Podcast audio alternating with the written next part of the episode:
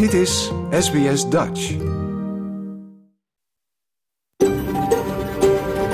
SBS, a world of difference.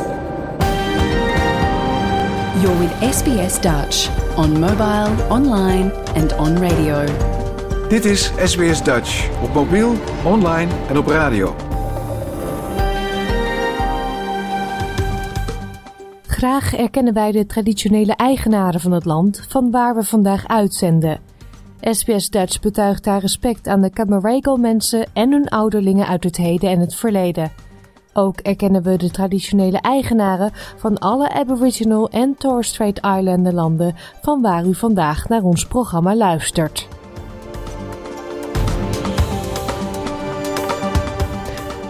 Een hele goede morgen. Mijn naam is Paulien Roesink. Het is woensdag 15 november 2023 en dit is SBS Dutch, het Nederlandstalige radioprogramma van SBS.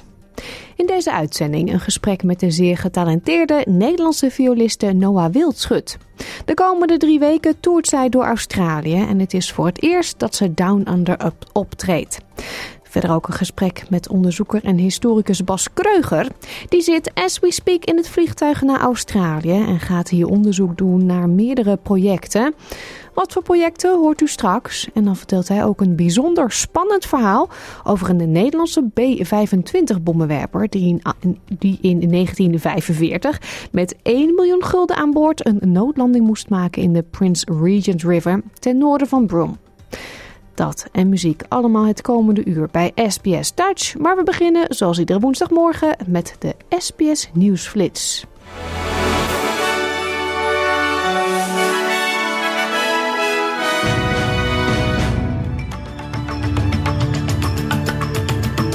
Dit is de SBS Nieuwsflits van woensdag 15 november. Mijn naam is Paulien Roesink.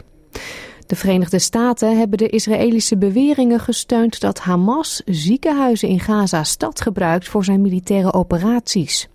De woordvoerder van de Nationale Veiligheidsraad van het Witte Huis, John Kirby, heeft gezegd dat de VS over niet gespecificeerde inlichtingen uit verschillende bronnen beschikken, waaruit blijkt dat Hamas en andere Palestijnse militanten tunnels onder de ziekenhuizen gebruiken om wapens te verplaatsen en gijzelaars te verbergen.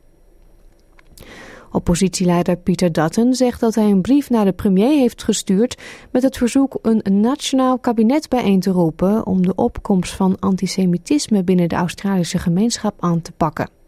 Tijdens zijn eerste persconferentie sinds afgelopen juli beschuldigde Dutton Anthony Albanese ervan niet in staat te zijn zijn belangrijke kwesties aan te pakken en de veiligheid van alle Australiërs te garanderen.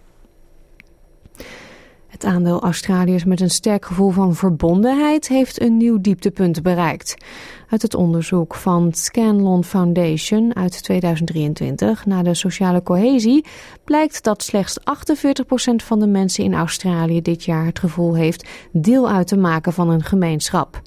Drie jaar geleden lag dat percentage op 52%. Bijna een derde van de huisartsen is van plan om in de komende vijf jaar met pensioen te gaan. De beroepsorganisatie doet daarom een oproep om het aantal artsen in de community te vergroten.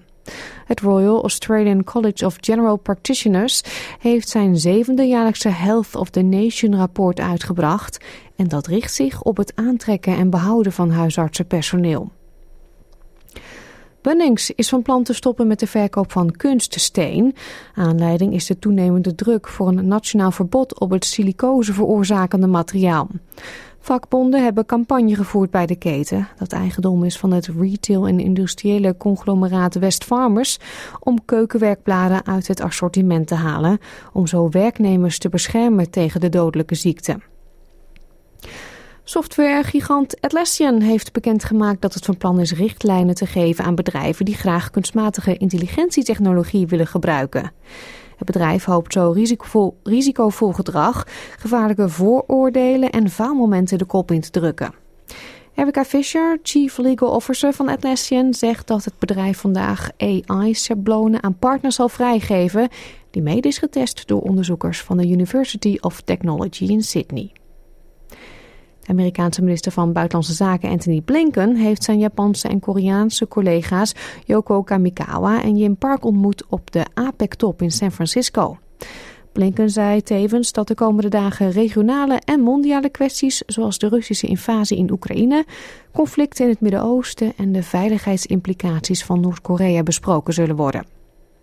En tot slot, in Nederland gaat de voorgenomen krimp van Schiphol van 500.000 naar 460.000 vluchten per jaar vanwege geluidsoverlast voorlopig niet door. Dat heeft demissionair minister Harbers van Infrastructuur besloten na overleggen met de Europese Unie en de VS. De VS was het niet eens met de krimp en dreigde met tegenmaatregelen die vooral de KLM zouden raken. In een brief aan de Tweede Kamer meldt de minister dat er meer landen hun zorgen hebben geuit over de krimpplannen. De KLM is opgelucht over het besluit, maar onder andere omwonenden en Schiphol zelf en natuurclubs zijn teleurgesteld. Tot zover deze nieuwsflits. Volg de SBS Dutch podcast voor meer nieuws en achtergronden. Of bezoek onze website www.sbs.com.au Dutch.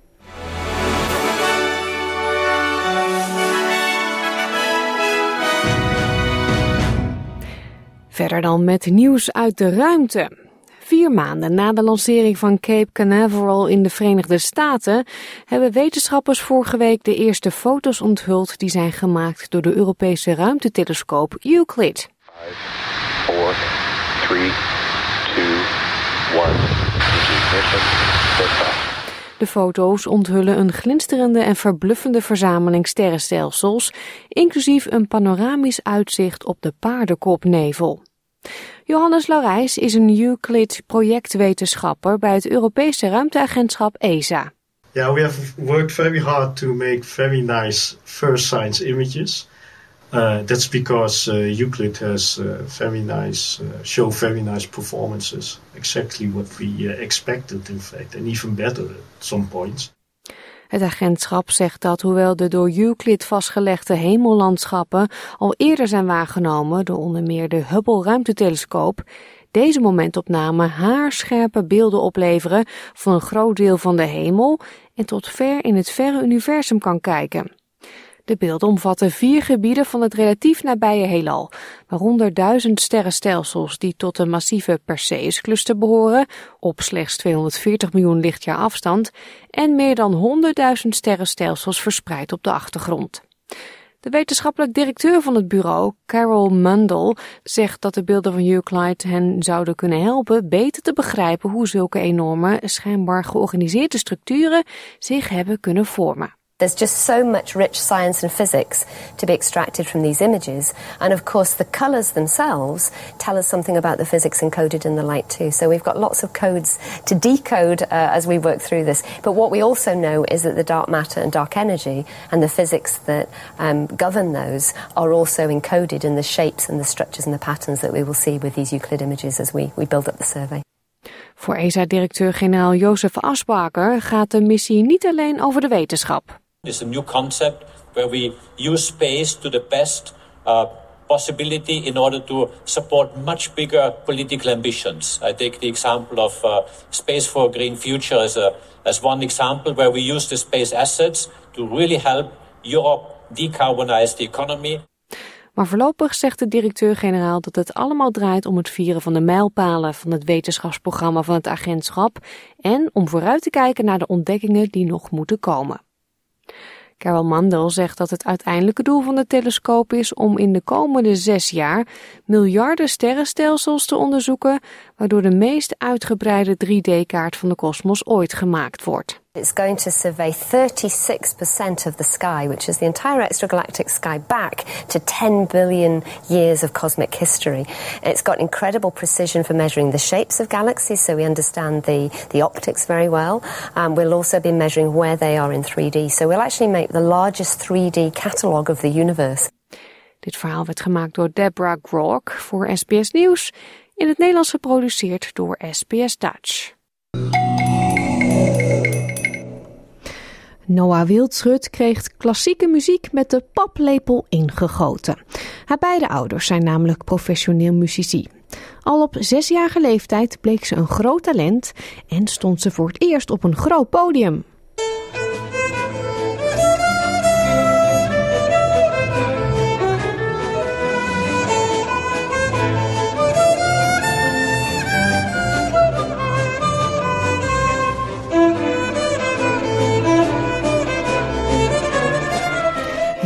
Een klein stukje van de 2007-editie van het Kinderprinsengrachtconcert. Met op viool dus de kleine Noah. Inmiddels is de violiste 22 jaar, woont ze in Berlijn en toert ze deze maand voor het eerst door Australië. En dat doet ze samen met pianiste en zeer goede vriendin Elisabeth Braus.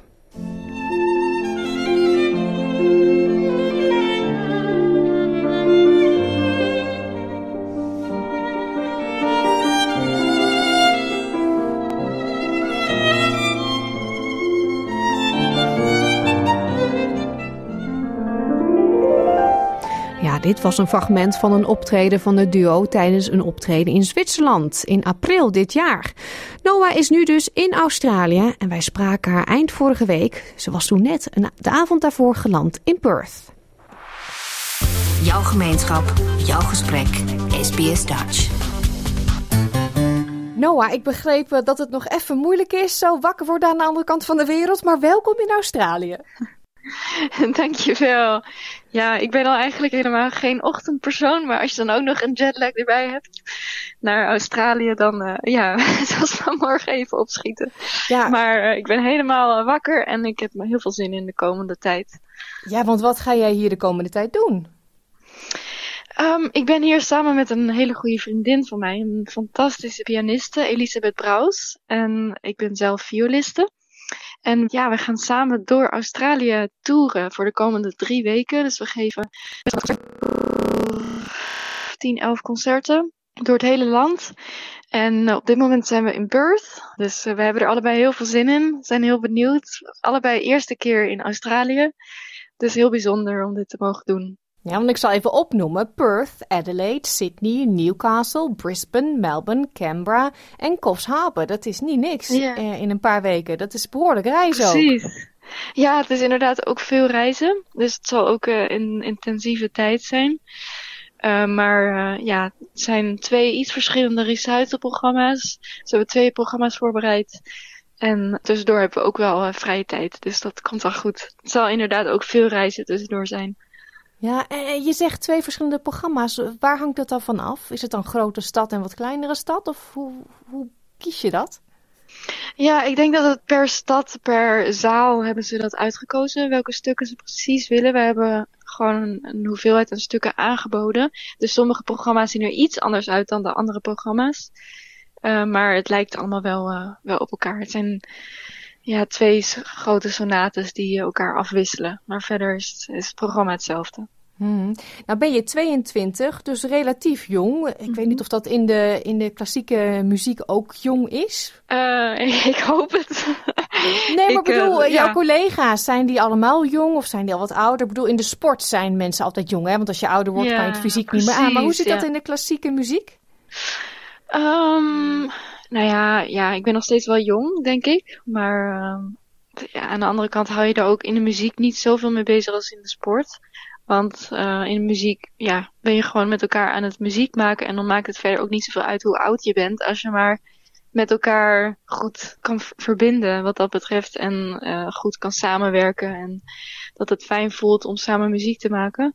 Hmm. Dus um, wat dat betreft nou, maakt leeft er niet zo heel veel uit. Maar ik hoop wel dat ik nog uh, veel voor me heb. ja, maar. de, de, de, kleine Noah, was die altijd al uh, met muziek bezig en droomde die van een carrière op de viool? Ik ben begonnen met vioolspelen toen ik vier jaar oud was. Dus uh, ik ben er al wel even mee bezig. En um, ik heb het altijd heel leuk gevonden om muziek te maken. En ik heb heel veel mooie dingen mogen beleven daardoor. En veel gereisd en veel met mensen, ja, mensen ontmoet en met mensen kunnen samenspelen.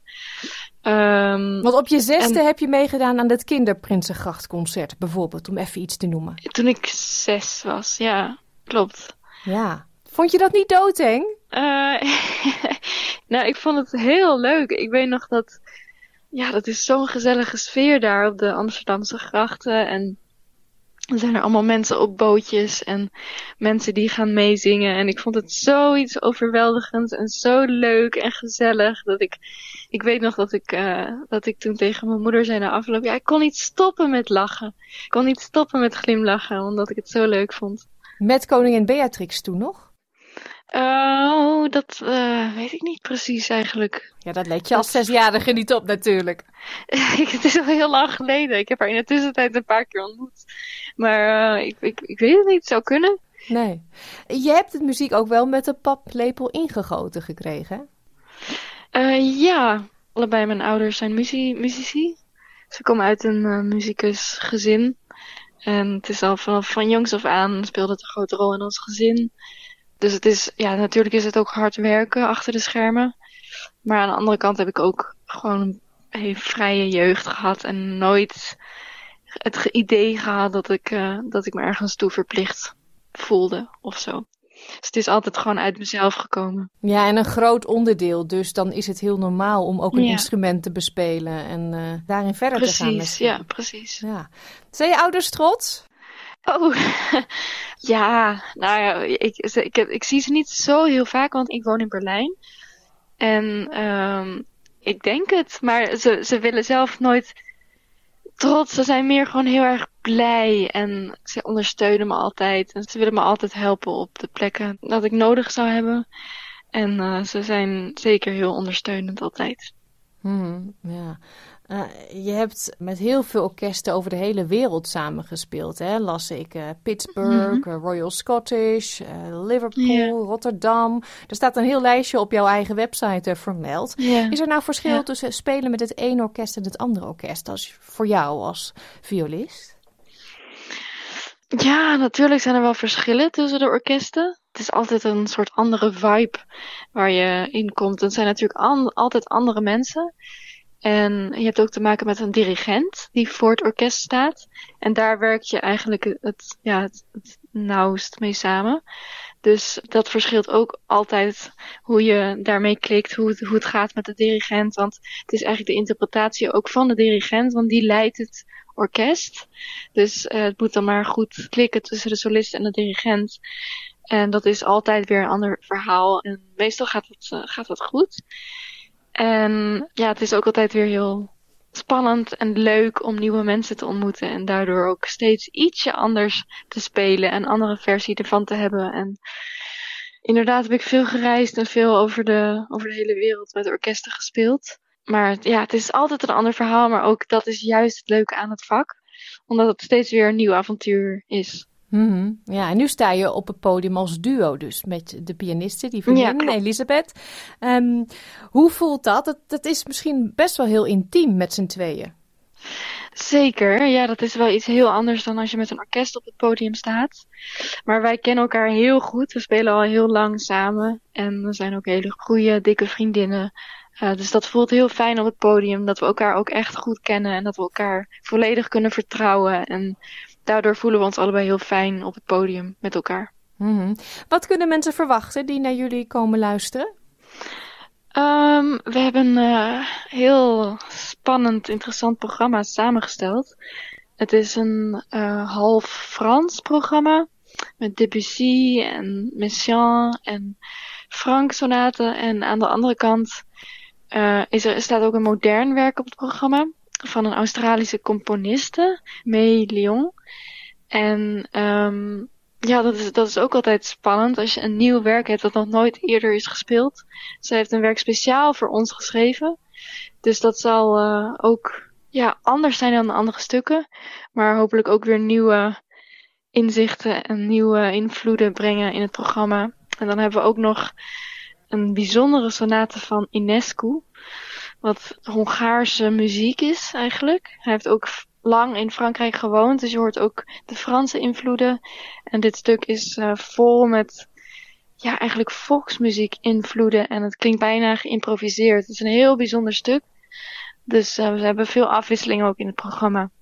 Als leek, hè, denk ik, jij vertelt dan over dat hele nieuwe stuk, Forces of Nature, als ik het goed heb. Hè? Dat is van die Australische ja, componist.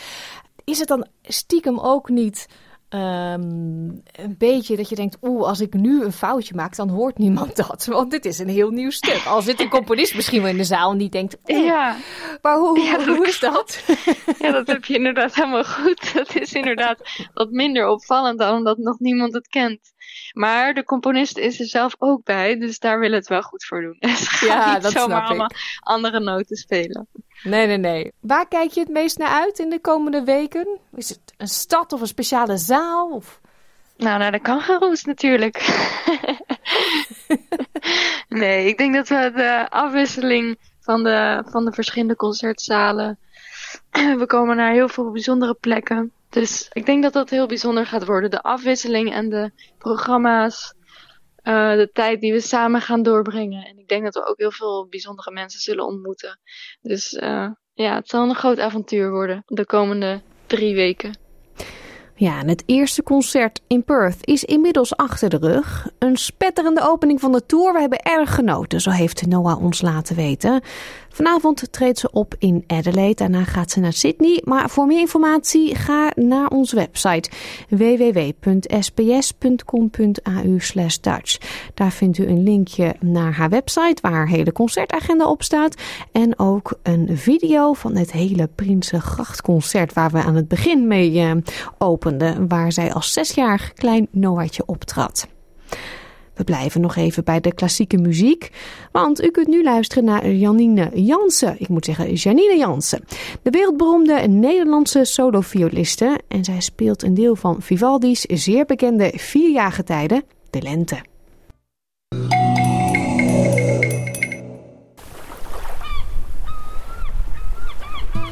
Nu bij SBS Dutch aan boord. In vijf afleveringen nemen wij Nina van Hatten en Frank Turkenburg je mee op verschillende schepen van de VOC. Ik vind het heel bijzonder dat zo'n duifke, een klein scheepje van 24 meter, overal naartoe kan varen. Reis mee op een historische reis van Nederland naar Australië. Verteld door de ogen van de passagiers en met behulp van verschillende onderzoekers. Maar hoe dicht je bij de kust van Australië terecht kwam, hoe risicovol het ook was. De laatste twee keren dat we daar waren, hebben we vrij veel nieuwe skeletten gevonden. Ga op avontuur op de Zuiderzee van de 17e eeuw en ontdek samen met ons Australië. Nu bij SBS Dutch. Alle afleveringen van onze prachtige serie aan boord zijn te beluisteren op onze website www.sbs.com.au Dutch. Klik bovenaan in het menu op podcastseries en kies daar aan boord. Over aan boord gesproken. Onderzoeker en historicus Bas Kreuger zit op dit moment aan boord van een vliegtuig. Hij is namelijk onderweg naar Australië. Hij gaat hier onderzoek doen voor zijn werkgever, de Rijksdienst voor het Cultureel Erfgoed. Maar ook maakt hij tijd vrij voor andere projecten. Over een van die projecten vertelde hij afgelopen zaterdag al in ons programma. Dat had te maken met de guerrilla die de Nederlands-Indische en Australische legers samenvoerden op Timor in 1942 en de vermissing van een groep kneelmilitairen. Vandaag meer over zijn geplande bezoek aan West-Australië, waar hij een inventarisatie zal doen van het aantal Nederlandse vliegtuigwrakken in deze regio en de fysieke onderdelen die daar nog van over zijn. Vlak voor zijn vertrek legde hij uit waarom dit zo belangrijk is. En ook vertelde hij een spannend verhaal over een Nederlandse B-25 bommenwerper die in 1945 met 1 miljoen gulden aan boord is gezonken in de Prince Regent River ten noorden van Broome. SBS Dutch, woensdag en zaterdag om 11 uur ochtends of online op elk gewenst tijdstip.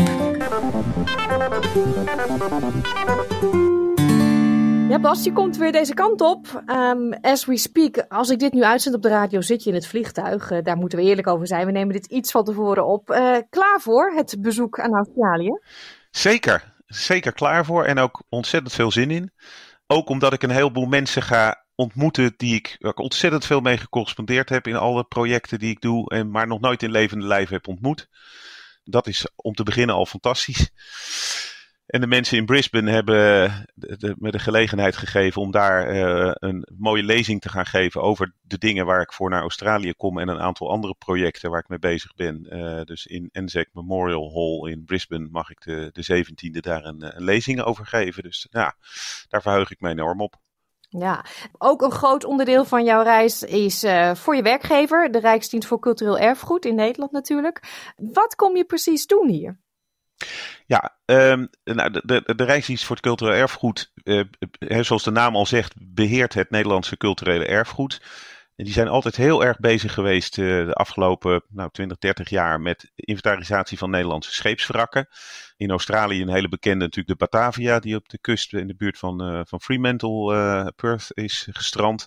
Ja. Ehm, maar de afgelopen paar jaar is men ook gaan denken, ja, er is veel moderner erfgoed ook te vinden. En dat zijn de vliegtuigwrakken. Heel veel Nederlandse vliegtuigen in de buurt van Australië neergekomen. Overigens ook wereldwijd. Uh, we schatten in ergens tussen de 6 en 800 uh, toestellen, Nederlandse toestellen, die wereldwijd verloren zijn gegaan. Maar in Australië zijn dat er ook echt heel erg veel.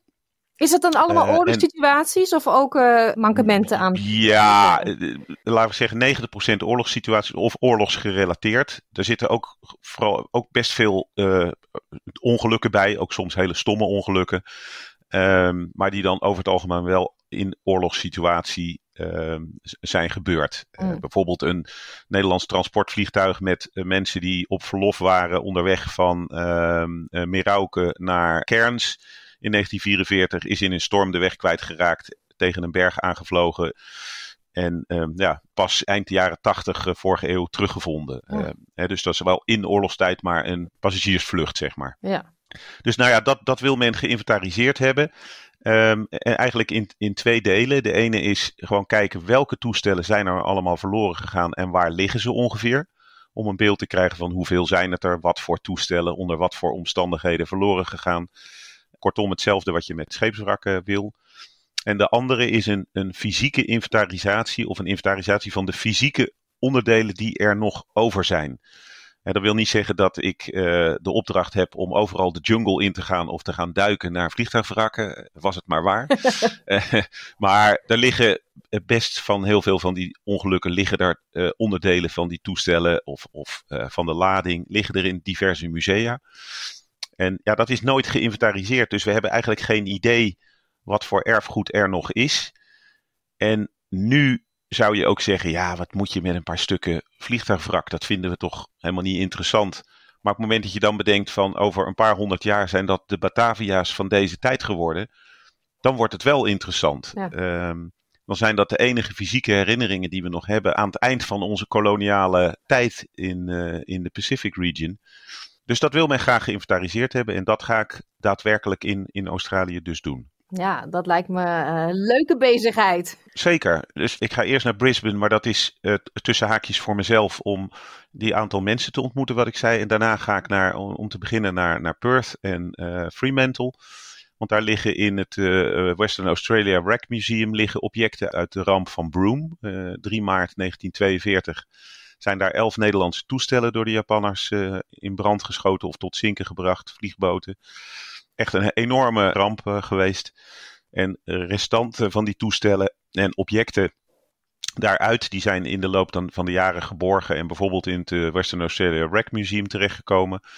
En dat ligt dus in, in Fremantle of in het Bula Bardip Museum in Perth.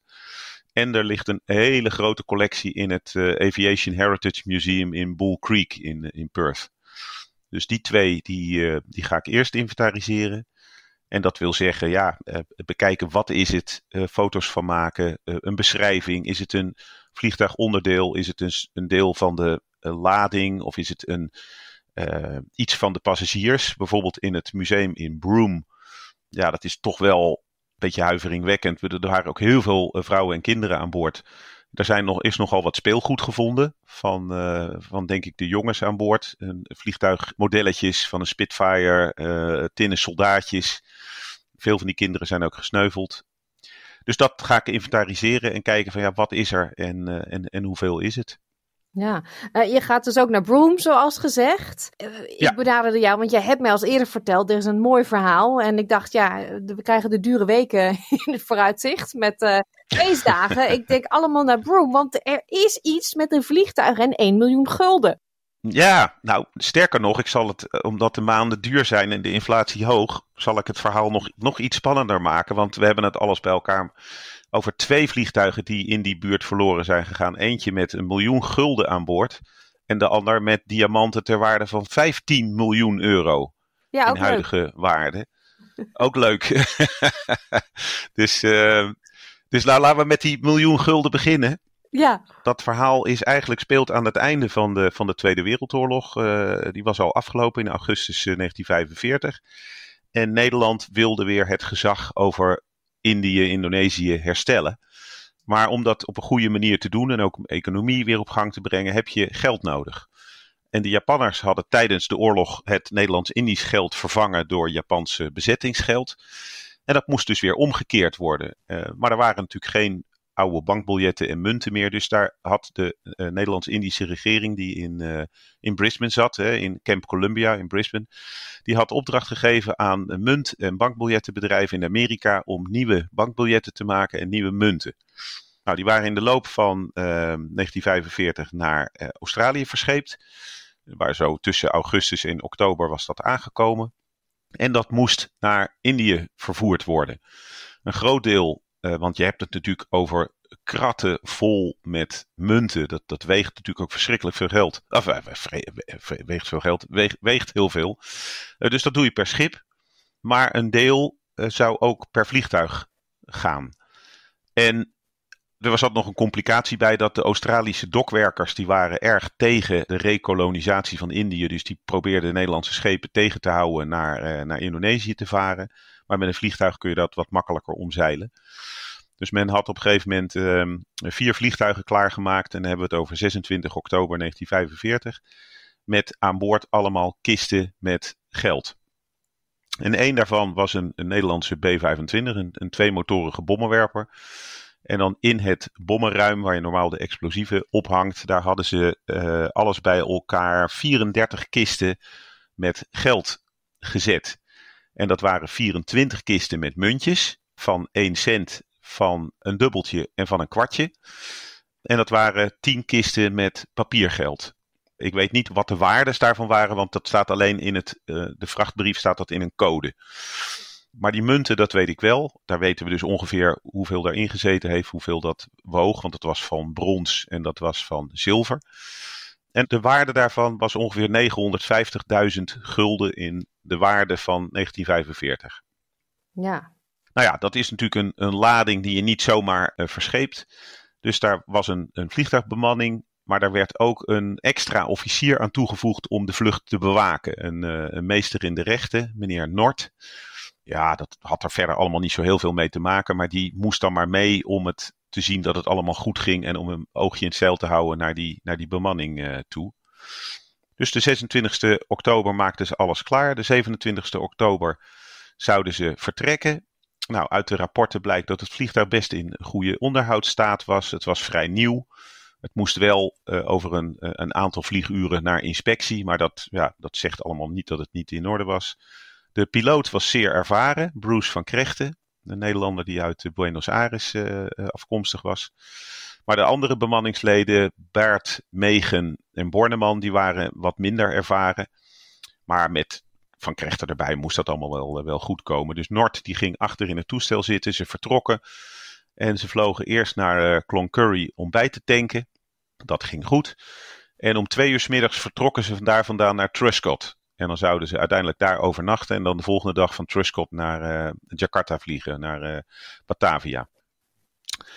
Ja, en toen uh, ging het mis. Onderweg naar Truscott kwamen er een paar flinke stormbuien aan. En Van Krechten had echt zijn handen vol om dat toestel in bedwang te houden, want dat werd alle kanten opgesmeten. En dan moet je echt voorstellen dat je met twee handen aan het stuurwiel zit. dat gaat heen en weer. Je hebt een voetenstuur om je heen ja, de donderende motoren en dan zwarte, pikzwarte lucht met bliksemflitsen. Ik heb uh, Van Krechten in de jaren negentig gesproken. Toen was hij bij mij in het museum. Dus uh, samen met uh, Ab Noord, met z'n tweeën waren ze naar het museum gekomen. Dat was heel interessant. Dus ik heb het echt het verhaal uit eerste mond van ze gehoord. Ja, dat was, dat was echt een gevecht met de elementen om dat toestel in de lucht te houden. Maar daardoor had hij helemaal geen zicht meer op de route. Dus op een gegeven moment vroeg hij aan Bordeman van joh kan jij een radiopeiling doen, want we moeten uh, Truscott zien te vinden. En het bleef stil.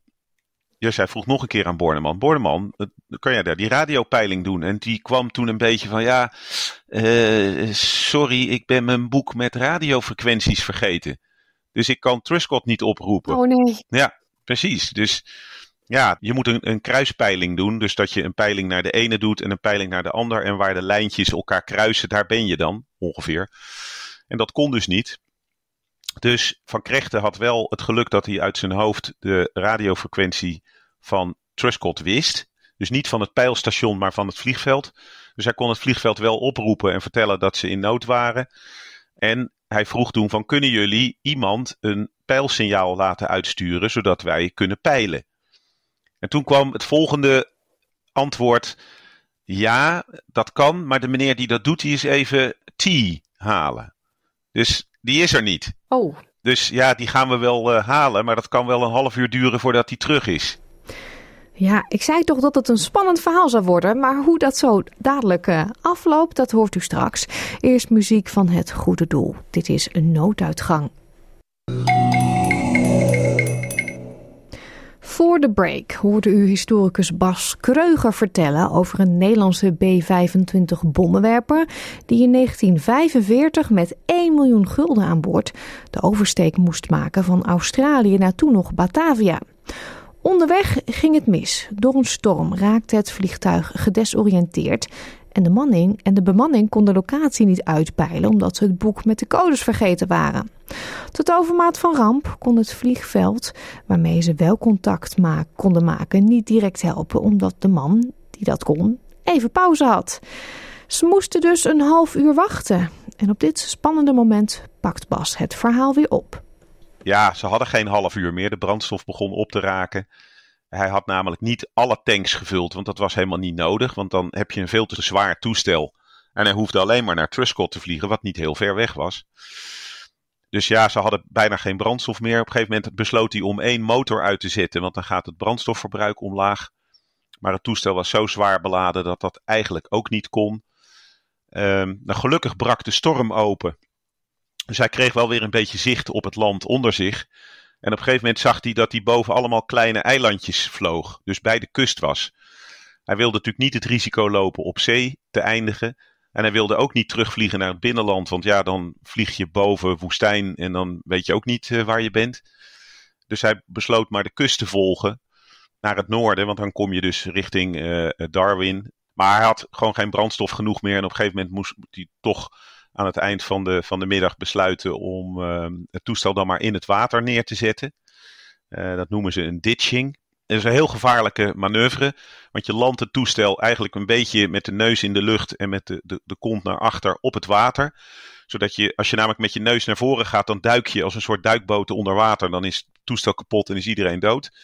Maar als je hem met zijn kont achterover landt, dan klapt hij met zijn neus keihard op het water. En ja, dat moet je dus heel goed eh, timen. Echt een hele gevaarlijke manoeuvre. Dat ging op zich uh, goed.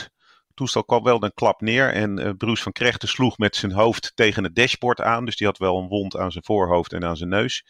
Maar verder was iedereen ongedeerd. Maar het toestel begon meteen te zinken. Dus ze moesten er heel snel uit. In de stromende regen, in het donker. Uh, op de vleugel. Met krokodillen, hè? Laten ja, we dat ook niet vergeten. Precies, het is in het, in het gebied daar tussen, nou laten we zeggen, tussen Broome en Darwin. Ik geloof dat dat echt beroemd berucht is om zijn, om zijn salties en, en ander ongedierte. Maar die hebben ze die, die nacht gelukkig niet gezien. Nou, ze wisten de rubberboot uit. ze hebben altijd zo'n soort reddingsboot aan boord. Die wisten ze uit het toestel te trekken. En daar met z'n vijven in. En naar de kant gepeddeld. Ja, en daar was het maar wachten op daglicht. Het toestel was binnen vijf minuten verdwenen. Dat was onder water gezonken met de kostbare lading aan boord. Nou, de volgende dag kwamen er een paar toestellen over vliegen en ze probeerden met lichtsignalen. Ze hadden van die speciale spiegeltjes met een, een gat erin. En als je die op de zon richt en dan een, een beetje dit doet, dan kan je een soort lichtflits naar een vliegtuig uitzenden.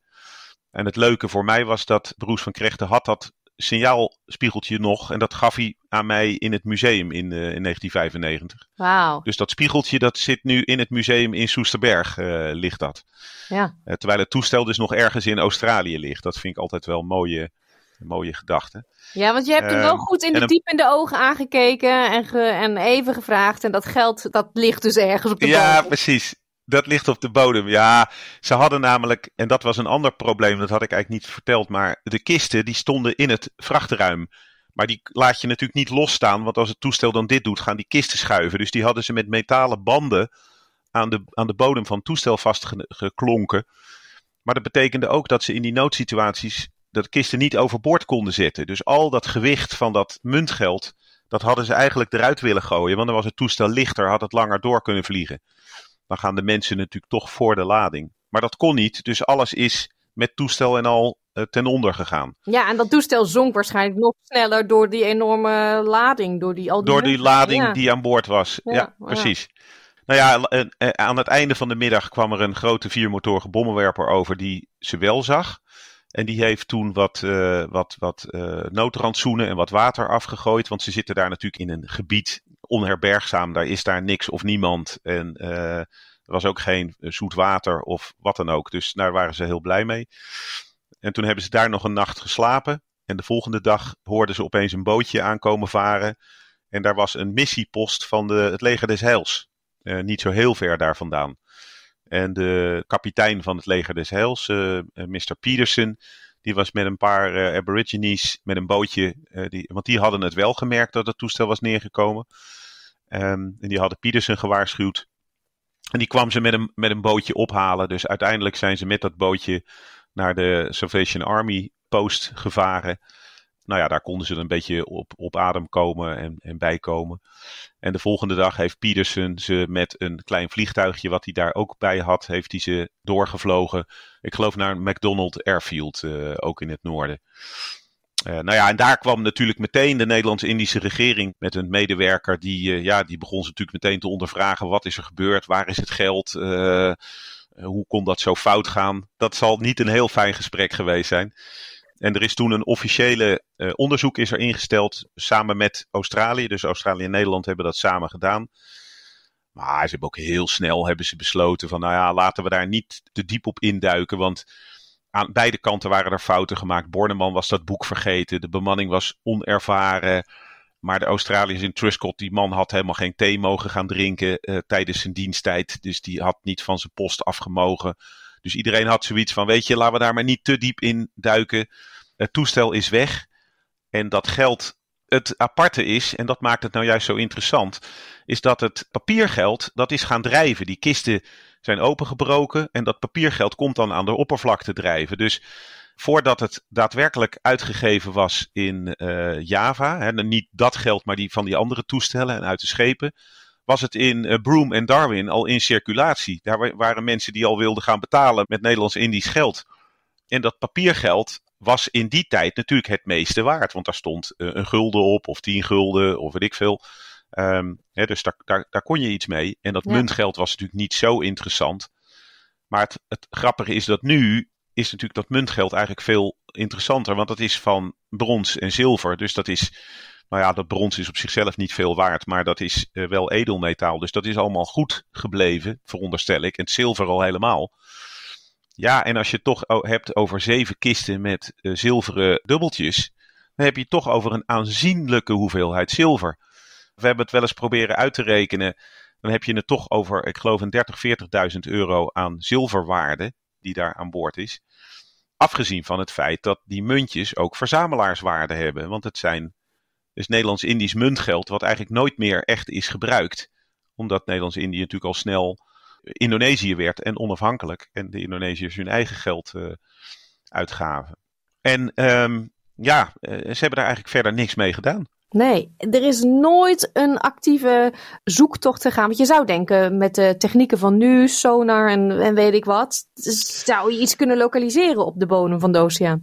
Ja, nou ja, en het is dus niet eens in de, op de bodem van de oceaan. Het is de, uh, de Prince Regent River. Die is overigens heel groot. En ik eh, weet, ik heb namelijk het leuke is dat Van Krechten en Noord, die kwamen in, dus in 1995 naar het Militair Luchtvaartmuseum waar ik toen werkte. Daar heb ik een gesprek met ze gehad. Ik heb nog een mooie foto dat we met z'n drieën voor precies hetzelfde toestel staan als waar zij in vlogen. Um, en hij heeft mij echt alles wat hij had, de onderzoeksrapporten, uh, delen uit zijn logboek. De conclusies van de onderzoekscommissie, maar ook de schatkaart. Dus de vliegkaart met daarop het kruisje van hier heb ik hem neergezet. Plus nog een, een detailkaartje heeft hij allemaal bij me achtergelaten. Dus in principe weet ik en heb ik alle gegevens om het toestel terug te vinden. Sterker nog, tot een paar jaar geleden kon je hem, voor zover ik kan nagaan, zelfs op Google Maps zien. Uh, er was een foto van, luchtfoto van dat gebied in Google Maps bij laag water. En daar kon ik een, iets zien wat verdomd veel op dat vliegtuigwrak lijkt. En ook exact de afmetingen heeft wat zo'n toestel heeft. Nu is de foto vernieuwd en nu is het bij hoogwater, dus nu zie je niks meer op Google Maps. Maar ik denk dat ik uh, in combinatie met de gegevens van uh, Van, van Krechten wel vrij aardig weet waar die ligt. En ik heb er ook wel eens met Australiërs over gesproken van zou dat niet interessant zijn om daar naartoe te gaan. Maar toen begonnen ze inderdaad allemaal heel bedenkelijk te kijken van ja, het is niet zo'n heel fijn gebied met die krokodillen. Die kunnen geloof ik wel tot een meter of vijf, uh, zes worden. Het zijn er heel veel daar. Uh, en het getijden is ongelooflijk sterk. Ik geloof dat er een, een hoogteverschil is van 7 meter. Dus als dat gaat stromen twee keer per dag, dan ja, dat is gigantisch. Dus om daar nou met een bootje heen te gaan en ja, daar op laag water te wachten terwijl dan de krokodillen rondschuifelen, dat is al niet zo fijn. Het is bovendien nauwelijks te bereiken over de weg. Dus dan moet je of over het water doen, of je moet er met een helikopter heen vliegen. Nou ja, dat is allemaal enorm georganiseerd, kost maar verschrikkelijk veel binnen, geld. Bas, is dit niet iets wat je Ja. denkt, oh, dit wil ik. Tuurlijk. Ik bedoel, het is een, het is een, een prachtig verhaal, omdat het heel goed aansluit bij het einde, en misschien ook wel heel symbolisch voor ons eh, einde van dat koloniale tijdperk. We willen dat herstellen en dat mislukt. En al het geld wat we daarvoor willen uitgeven, dat ligt dus ergens op de bodem van een rivier in Australië. Hoe symbolisch wil je het hebben? Ja. Eh, dus dat maakt het qua historisch en erfgoedverhaal maakt dat natuurlijk prachtig. We hebben een paar dingetjes. Van Krechten heeft het, het kussentje uit de pilotenstoel heeft hij aan het museum gegeven. Een paar van die nooduitrustingsdingen en al zijn rapporten. Dus we hebben ook best wel wat van dat verhaal. Maar het mooiste zou natuurlijk zijn als je op zijn minst gewoon eh, een cent, een dubbeltje en een kwartje uit het toestel. Ik, niet eens om, om de, de waarde van het geld of zo, maar vanwege de historische waarde dat daaruit te hebben. Maar ja, het zal een enorme klus zijn om dat eh, te gaan doen.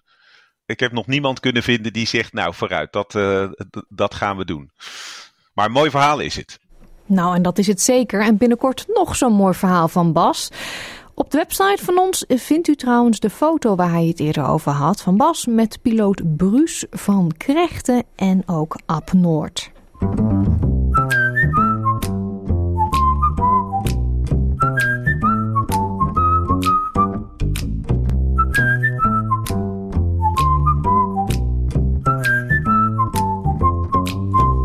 Tot zover dit uur SBS Dutch op SBS Radio 2. Op onze website www.sbs.com.au Dutch kunt u deze aflevering en al onze andere gesprekken en series terugluisteren.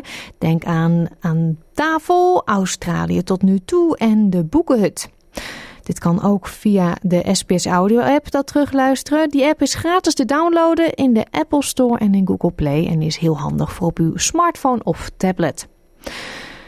SBS Dutch is ook te vinden op Facebook, www.facebook.com sbsdutch. Geef ons een like, reageer en mis niets van dit leuke programma.